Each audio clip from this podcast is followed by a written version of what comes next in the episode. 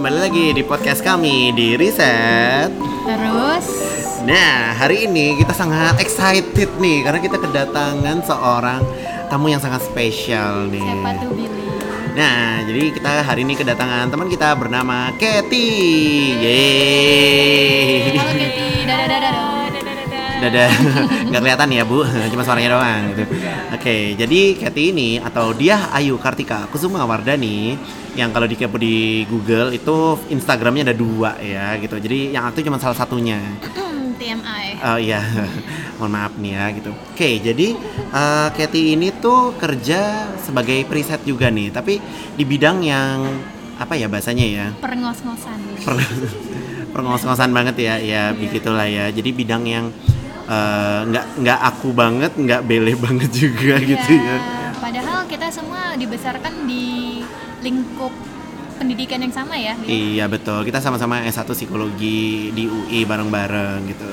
Nah, perngos-ngosan ini maksudnya apa sih perngos-ngosan yang dimaksud Bele? Jadi stay tune terus. Hai Katy. Halo Billy, halo Bele.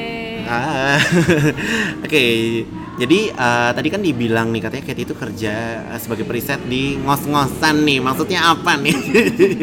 NGO. Oh NGO, baiklah. Ya, jadi Katy ini, mohon maaf ya. Oke, jadi eh Katy ini kerjanya sekarang di mana nih? Boleh diceritain dulu nggak? Oke, sebelumnya aku kerja di Komnas Perempuan. Hmm. Sekarang aku di eh, Pusat Studi Agama dan Demokrasi Yayasan Paramadina. Oh ya, Yayasan Paramadina. Itu di bawah Universitas Paramadina atau Oh gimana? tuh? enggak, jadi itu satu lembaga yang bisa dibilang setara. Dia di bawah Hmm. Yayasan Paramadina, jadi setara sama universitas. Setara sama universitas. Oh, oke gitu. Dan apa sih yang Katy lakukan di sana di pusat ya? Ya isinya? di pusat istilahnya. Eh, kalau kita eh, satu peneliti tentu tentu aja. Mm-mm. Terus juga kita juga pendekatannya tuh lebih riset dan praktis praktik sebenarnya. Jadi Mm-mm. selain bikin penelitian, kita juga bikin training ke beberapa stakeholder stakeholder, Mm-mm. termasuk juga eh, Kementerian dan CSO Mm-mm. atau aktivis-aktivis yang lain. Mm-mm. Eh, selain itu juga bikin eh, apa rekomendasi kebijakan. Mm-mm. Uh, dan kadang-kadang sih banyak sering juga kita bikin uh, translasi buku tapi itu nggak selalu Oh gitu. Wah menarik sekali ya ini kerjakan gitu.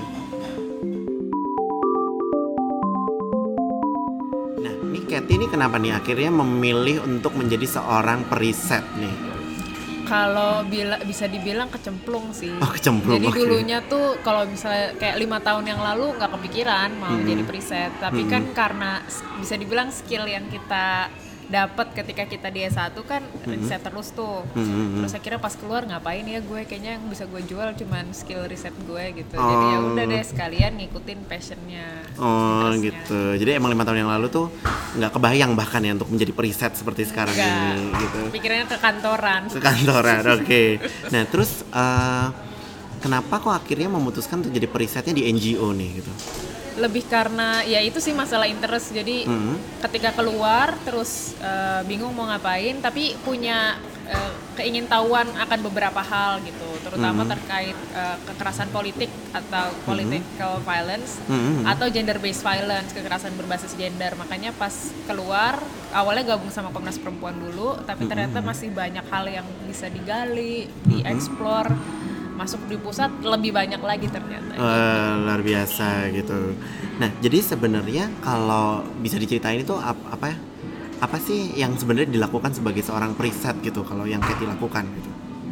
ya mungkin kayaknya standar aja dulu ya maksudnya Mhm. yang pertama kan eh, pastinya baca Mhm. itu kan pasti baca terus eh, update terus sama informasi-informasi yang berkembang nah Mhm. kalau yang ini yang yang agak beda sama penelitian risiko ya eh, kita lebih dekat sama media gitu jadi Oh, oke. informasi apa yang ada di media tuh bener jadi karena kita kan harus pantau kondisi di masyarakat seperti apa dan Mhm, itu mhm. terlihat melalui media. Kira kita banyak yang eh, sumber-sumber penelitian atau sumber-sumber ide-ide riset itu Mhm. munculnya dari informasi yang beredar di media juga. Oh gitu ya. Jadi teknik risetnya memang biasa seperti itu ya yang dilakukan. Ya approach-nya agak beda juga sama psikologi. Oh. Karena psikologi apalagi kan biasanya kuantitatif banget tuh. Mhm. Kalau yang ini kan biasanya kualitatif banget, yang Mhm. ilmu-ilmu sosial. Jadi itu juga yang jadi kayak tantangan juga karena dari psikologi yang kuantitatif banget aku harus nyebrang lah katakanlah ke kualitatif Wah, gitu ya. Menarik, menarik. Nah, berapa tahun ini kan artinya Katie udah cukup lama ya berkecimpung dalam dunia riset NGO ini gitu. Iya, empat ya sebagai kita periset muda lah ya, gitu udah cukup lumayan lah ya gitu. Iya. Nah, tapi apa sih suka dukanya nih menjadi seorang periset tapi di NGO gitu? Eh, sukanya yang pertama tuh fleksibel Mm-mm. working eh, jam kerjanya Hmm. tapi kadang fleksibilitas ini justru bikin kita kayak kerja rodi juga gitu karena kadang-kadang deadliners segala macam dan uh, dan salah satunya eh, hal yang lain adalah misalnya kita tahu ini kan karena waktunya fleksibel kita bisa kerjain kapan aja kita ambil lebih dari satu project misalnya atau du- bisa sampai lima project sekaligus. Nggak memikirkan ketika kita turun lapangan ketika kita harus menulis laporan segala macam gitu asal mungkin eh, bisa dibarengin kayak gitu. Padahal kan eh, prosesnya nggak semudah itu gitu jadi di satu sisi itu menguntungkan di sisi lain itu juga merugikan Merugikan gitu. juga ya gitu. Hmm. terus eh, yang paling kentara ini juga masalah mitos-mitos kerja di LSM Oh, ya iya, masalah iya, iya. salary gitu yang Oh, iya, eh, iya, iya. dibilang nggak sebesar kalau lo masuk industri gitu. Hmm. Cuman ya balik lagi kalau lo udah interest eh, sama isu-isunya gitu, terus bisa ketemu sama orang-orang yang kita selama ini kagumi, Hmm. kerja sama bahkan kerja sama mereka itu kan jadi ke- kesenangan sendiri ya, Oh. kepuasan tersendiri gitu. Iya iya, ketemu dengan orang-orang yang biasanya ketemunya di TV Iya. gitu-gitu ya, gitu-gitu. Atau baca-baca di buku doang. gitu. Oh. Sekarang bisa ketemu langsung, bahkan dapat banyak informasi ilmu dari mereka juga langsung. Oh, gitu. oh ya sebentar. Tadi kan Katie kayaknya bilang LSM ya gitu. LSM sama NGO itu Hmm. Oh, sama nggak sih sebenarnya gitu? gimana ya jadi Heeh. LSM itu sebenarnya trans, trans kayak translatean NGO gitu loh Oke. Nah, cuman mungkin banyak yang mikir NGO kalau ngomongin NGO itu sebenarnya refernya ke internasional NGO. Hmm. Ada beberapa NGO NGO internasional kayak Amnesty International, Plan, Rutgers, ya banyak lah gitu. Hmm. Yang eh, mungkin eh, sering kali apa nyampur gitu istilahnya, gitu istilahnya ya. sama NGO. Tapi NGO sebenarnya ya LSM itu sama aja. Oh gitu, jadi NGO and LSM actually is the same thing gitu ya, Iya. gitu jadi oke baiklah. Oke, oh ya tadi kan sempat cerita juga nih kalau eh, ada nih serunya nih kerjanya di LSM, kerja di NGO, ketemu dengan orang-orang hebat gitu, waktu kerjanya gitu. Nah sekarang dukanya apa sih gitu? Hmm, eh, dukanya ya balik lagi tadi ya eh, masalah flexible working hours yang ternyata bisa bikin kita eh, jadi kerja rodi. Mhm. Terus eh, paling yang paling kentara sih itu sih. Iya ya waktunya gitu ya Hmm, gitu. waktunya. Ya sih emang waktu itu selalu ya. Hmm, Aku boleh nanya nggak? Ya, Kalau masalah kebebasan pemilihan topik penelitian sendiri itu gimana?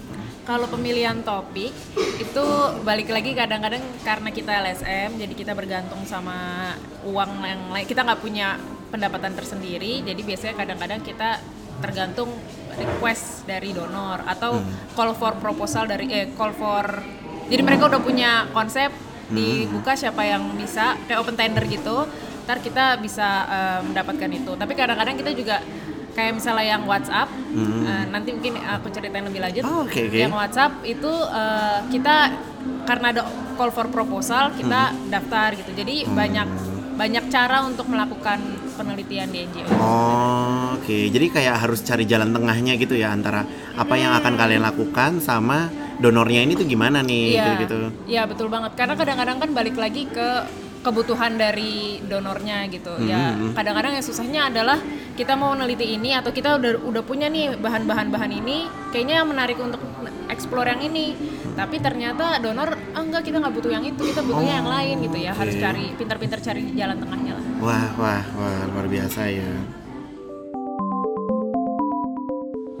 Tadi kan tuh sempet tuh kesebut tuh WhatsApp nih. Ini kayaknya aplikasi yang emang semua orang di Indonesia bahkan di dunia ini kayaknya pada pakai nih. Itu apa sih maksudnya WhatsApp yang tadi kamu bilang Oh, itu? jadi pusat itu baru dapat grant dari WhatsApp. Wow, Yeay. yeay. Selamat, selamat. Aku juga bangga sekali. Yeay. Aku tak menyangka.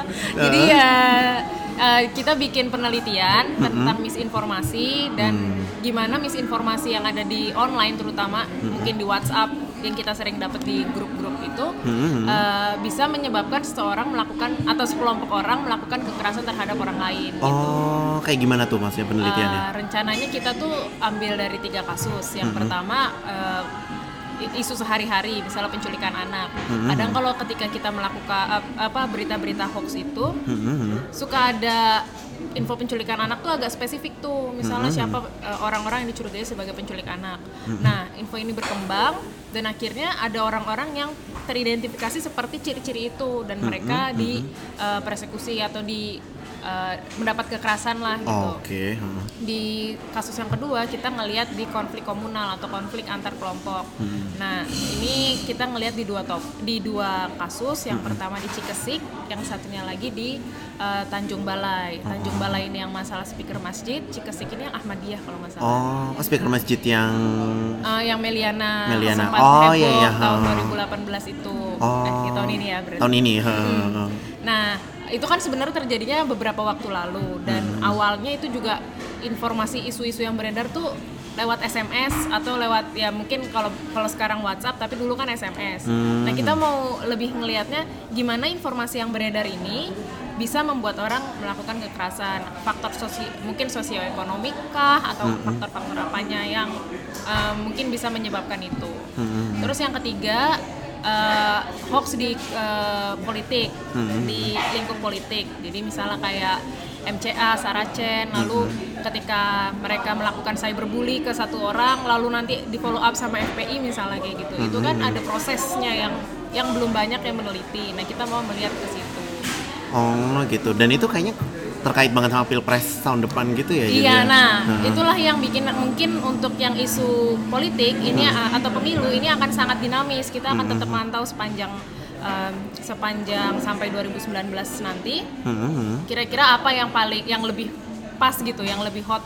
Tapi untuk sementara ini kita melihat di masalah 2017 eh, pilkada pilkada DKI Oh, iya. sama di pilkada Kalimantan Barat. Oh, oke oke oke oke. Aku namain sedikit. Jadi eh, studi ini sebenarnya nggak cuma kualitatif tapi kuantitatif juga. Hmm. Eh, yang di kuantitatif ini kita ngelihat dari data namanya Sistem Nasional Pemantauan Kekerasan. Jadi ada yang Oke. Hmm, udah membuat sistem itu, dia mantau dari media-media, tapi sejauh ini baru berhenti di 2015. Jadi 2015 sampai 2018 ini belum ada follow up-nya. Oh gitu. Nanti kita mau lihat sambil follow up itu kita melihat beberapa faktor, misalnya beberapa kasus di mana ada tiga, tiga eh, ketiga kasus yang tadi disebutkan itu mungkin terjadi juga lewat adanya misinformasi. Oh, menarik banget ya. Nah, tapi di WhatsApp ini yang ini kayak hibah gitu ya jadinya Iya, gitu. hibah. Heeh. Hibahnya ini di Indonesia itu yang dapat pusat doang atau ada lagi nih? Ada tiga organisasi atau Hmm. tiga lembaga yang dapat pusat,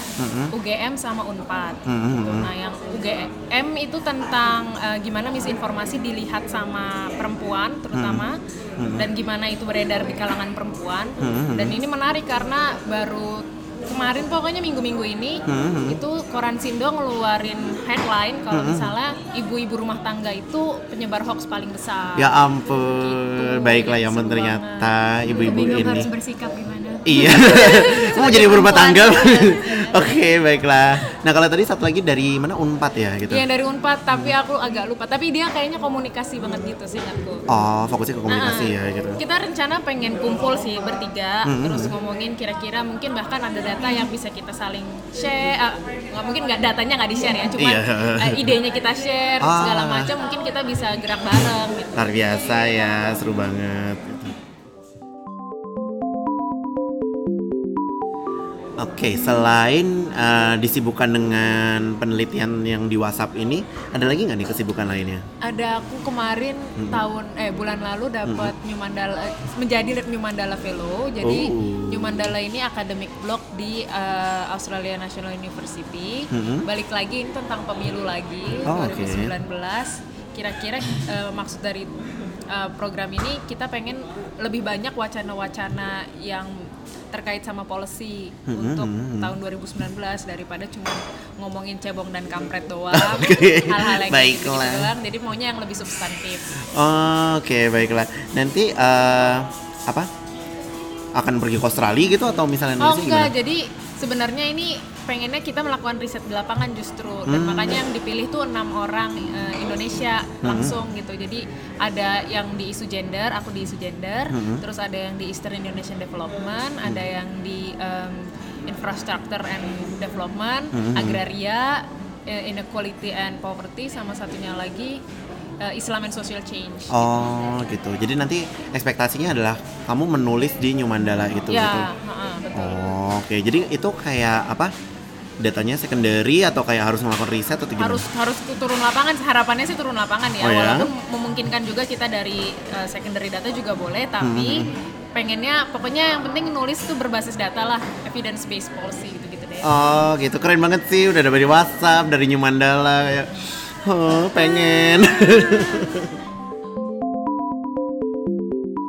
nah dalam dunia riset ini nih eh, siapa sih yang jadi apa ya bahasanya ya, role modelnya gitu atau mentornya Oke. Katy ini nih gitu. kalau mentor lebih gampang daripada role model Oke baiklah gitu mentor ya baiklah jadi mentornya uh, Katy siapa nih? Gitu. kalau gue akan bilang yang pertama Mbak Iput Elizabeth Mbak Iput. Christie Purwandari Oh oke. huh. karena dia juga supervisor gue waktu tesis eh waktu skripsi S1 ya ini Ah, ya. huh. Yang kedua yang pasti Pak Isan Ali Fauzi, Ali eh, Fauzi, hmm. direktur pusat. Hmm, hmm, Tapi selain dia juga sekarang karena ada fellow namanya Sana Jafri, dia Hmm. juga yang bantu eh, kayak menginspirasiku untuk bikin penelitian yang lebih evidence based Oh gitu lebih apa? azik. gitu. lebih asik, lebih asik, istilahnya? lebih Lebih- seru lebih lah seru, ya gitu jadinya. Oke, apa sih yang bisa kamu pelajarin dari para mentor ini nih gitu? Eh, yang pertama sih lebih ke eh, kayak bikin penelitian tuh nggak cuma penelitian aja, tapi kita harus tahu ini implikasinya gimana. Maksudnya dalam artian eh, lo bikin tuh ada impactnya yang jelas gitu loh. Misalnya emang policy maksudnya atau memang mau menjelaskan satu fenomena yang selama ini mungkin nggak dilihat orang atau orang melihatnya kayak udah eh, taken for granted gitu loh. Jadi eh, ya untuk mendapatkan cara pandang yang kayak gitu tuh yang menurut gue masih sampai sekarang pun gue masih berusaha untuk belajar gitu loh gimana caranya mencari cara pandang yang asik gitu. Oh, oke. Jelasinnya. Asik. Asik ya ini. Pokoknya nih hari ini nih ya kita jadi kita jadi belajar juga nih ya Bel gitu tentang eh bahwa penelitian itu ternyata seru juga nih. Riset itu bisa seru loh gitu. Disclaimer ya, riset itu seru gitu. Apalagi bisa menjawab tantangan yang kenyataannya gitu loh yang Ha, ada ha. di, di masyarakat tuh tantangannya ini ini ini. Nah kalau kita bisa membuat penjelasan atau analisis yang menjawab itu kan jadi kayak fulfilling banget gitu. Oh, dan mungkin bisa di, kita kayak diseminasi kali ya. Bisa Ya, kita kasih tahu ke orang-orang kayak, gitu. halo ini riset gue tentang ini nih gitu. Dengan bahasa yang mungkin lebih sederhana ya tentunya Betul, gitu. betul.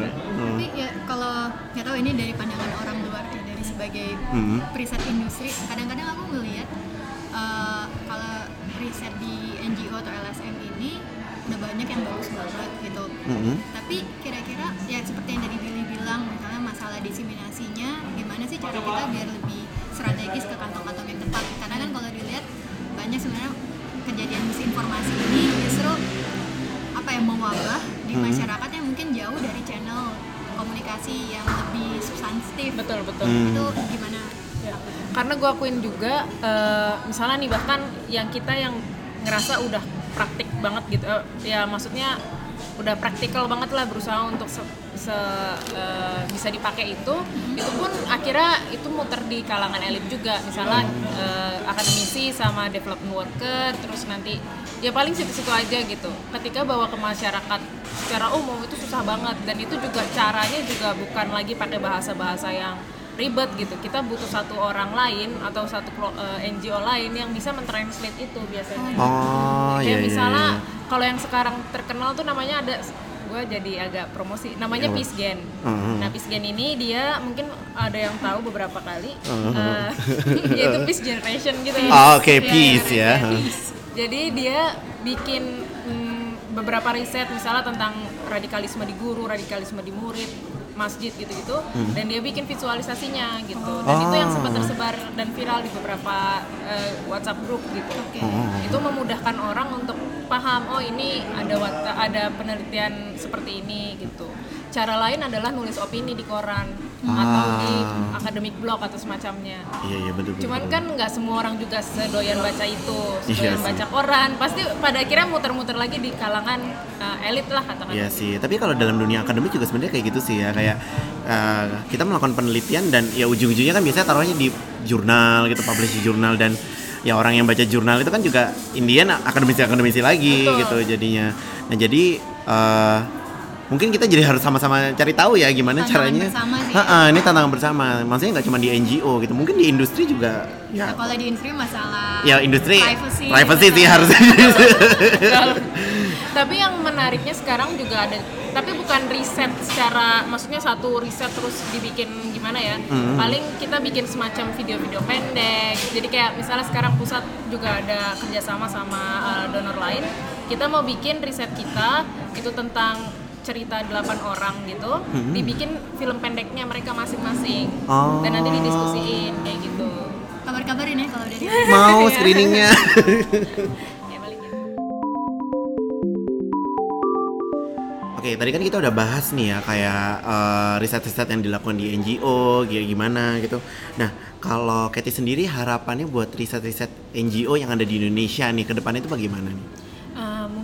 Uh, bukan di risetnya tapi justru di gimana riset ini akhirnya diimplementasiin gitu. Oke, karena hmm. kan kalau misalnya riset-riset NGO itu arahannya kebanyakan jadi rekomendasi kebijakan. Hmm. Nah, sering kali kebija udah rekomendasinya bagus tapi itu nggak diimplementasiin sama Oh, pemerintah. oke. Dan akhirnya mereka menggunakan uh, cara-cara lama misalnya pakai intuisi atau evaluasinya mereka aja Hmm, yang hmm. yang nggak terukur untuk membuat kebijakan yang baru. Nah, Hmm. kita pengennya eh, kebijakan-kebijakan ke depannya itu justru lebih berbasiskan riset lagi. Oh, Oke, jadi datanya benar-benar dipakai ya buat Iya, untuk bikin kebijakan gitu. Kalau yang selama ini bagaimana yang kalau pengalamannya? Jadi ya misalnya kalau eh, kebijakan tuh sebenarnya masalahnya kadang ketika kita udah menawarkan ini ke eh, lembaga-lembaga pemerintahan, mereka bilang iya tapi dananya gimana gitu. Maksudnya mereka nggak boleh misalnya mengubah seenaknya karena nanti masalah dana jadi misalnya membengkak atau berkurang misalnya kayak gitu. Hmm. Jadi akhirnya mereka terjebak sama masalah mereka sendiri gitu. Hmm. Di sisi lain, sebenarnya kan kementerian juga punya litbang ya. Hmm. Nah, aku sempat nanya buat apa litbang kalau misalnya lu nggak menggunakan si litbang ini untuk Oh, buat kebijakan oke. lu gitu. Tapi mereka bilang nggak mungkin litbang me- mengevaluasi program yang mereka buat Hmm, Oke. karena litbang kan bagian dari kementerian itu. Hmm, hmm. Jadi kayak nyerang lembaga divisi lain gitu loh. Jadi masalah Hmm. bisa dibilang ego ego dari masing-masing divisi juga gitu. Jadi mereka lakukan apa? Mereka mel- melitbang di bawahnya misalnya Kementerian Pusat punya litbang. Mereka akan mereview kerja-kerja di daerah, Oke. Oh. tapi nggak gitu. nge-review kerja mereka sendiri. Oh gitu, baru tahu juga ternyata ada kayak gitu juga kayak gitu. Ya, eh, ini- jadinya make sense gitu sih, maksudnya harapanmu buat ke depannya itu kayak Iya. gimana jadinya kan? Gitu.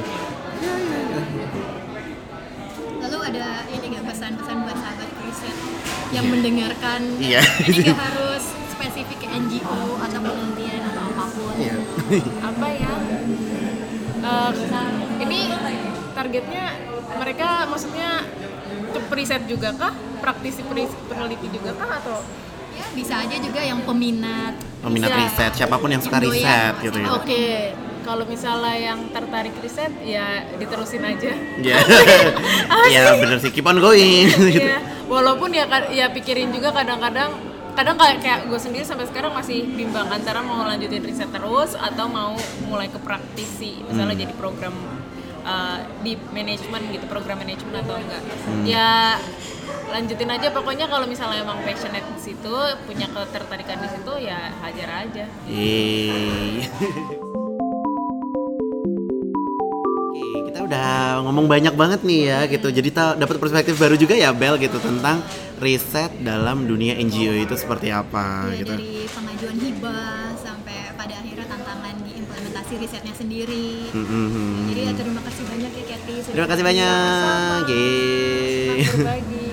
Iya, terima kasih banyak juga udah uh, berbagi pengalamannya juga ya sama di NGO kayak gimana. Terima kasih juga untuk sahabat periset yang udah mendengarkan Heeh. obrolan kami hari ini. Betul Ya, sekali. ya demikian uh, dari podcast episode ini. Terima kasih udah dengerin. Dan kalau ada masukan ya bisa langsung tulis email ke kami. Ya betul, bisa ke riset terus, riset terusnya T-nya satu at gmail.com gitu. Riset terus at gmail.com. Oke. iya betul Baiklah. Nah, oke. Jadi tunggu kami di episode kami berikutnya di podcast kami di Riset. terus